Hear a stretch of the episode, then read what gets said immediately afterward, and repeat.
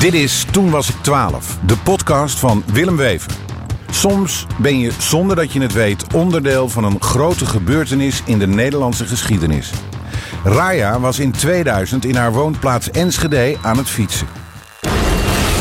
Ik kijk omhoog en zie ineens siervuurwerk. Ik voel de aarde trillen. Mijn woonwijk is opgeblazen. Geert zat gewoon in de klas toen er een Molukse man in een lange leren jas binnenliep. Nou ja, hij uh, zei tegen uh, onze juffrouw van, dit is een gijzeling. En ondertussen werd onder zijn linkerarm door, werd op haar arm een pistool gedrukt. Sandra moest kosten wat kost naar het laatste concert van haar favoriete band Doe Maar. Nou, toen stond mijn hart dus echt even stil.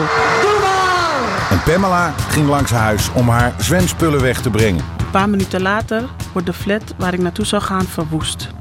Omdat er een vliegtuig op neerstort. Toen was ik 12.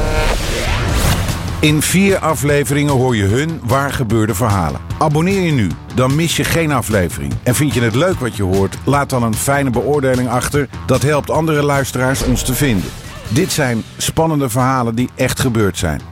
Je kunt het ook samen met je ouders of een andere volwassene beluisteren. Toen was ik 12 is te vinden op iTunes, Google Podcast, Stitcher en Spotify.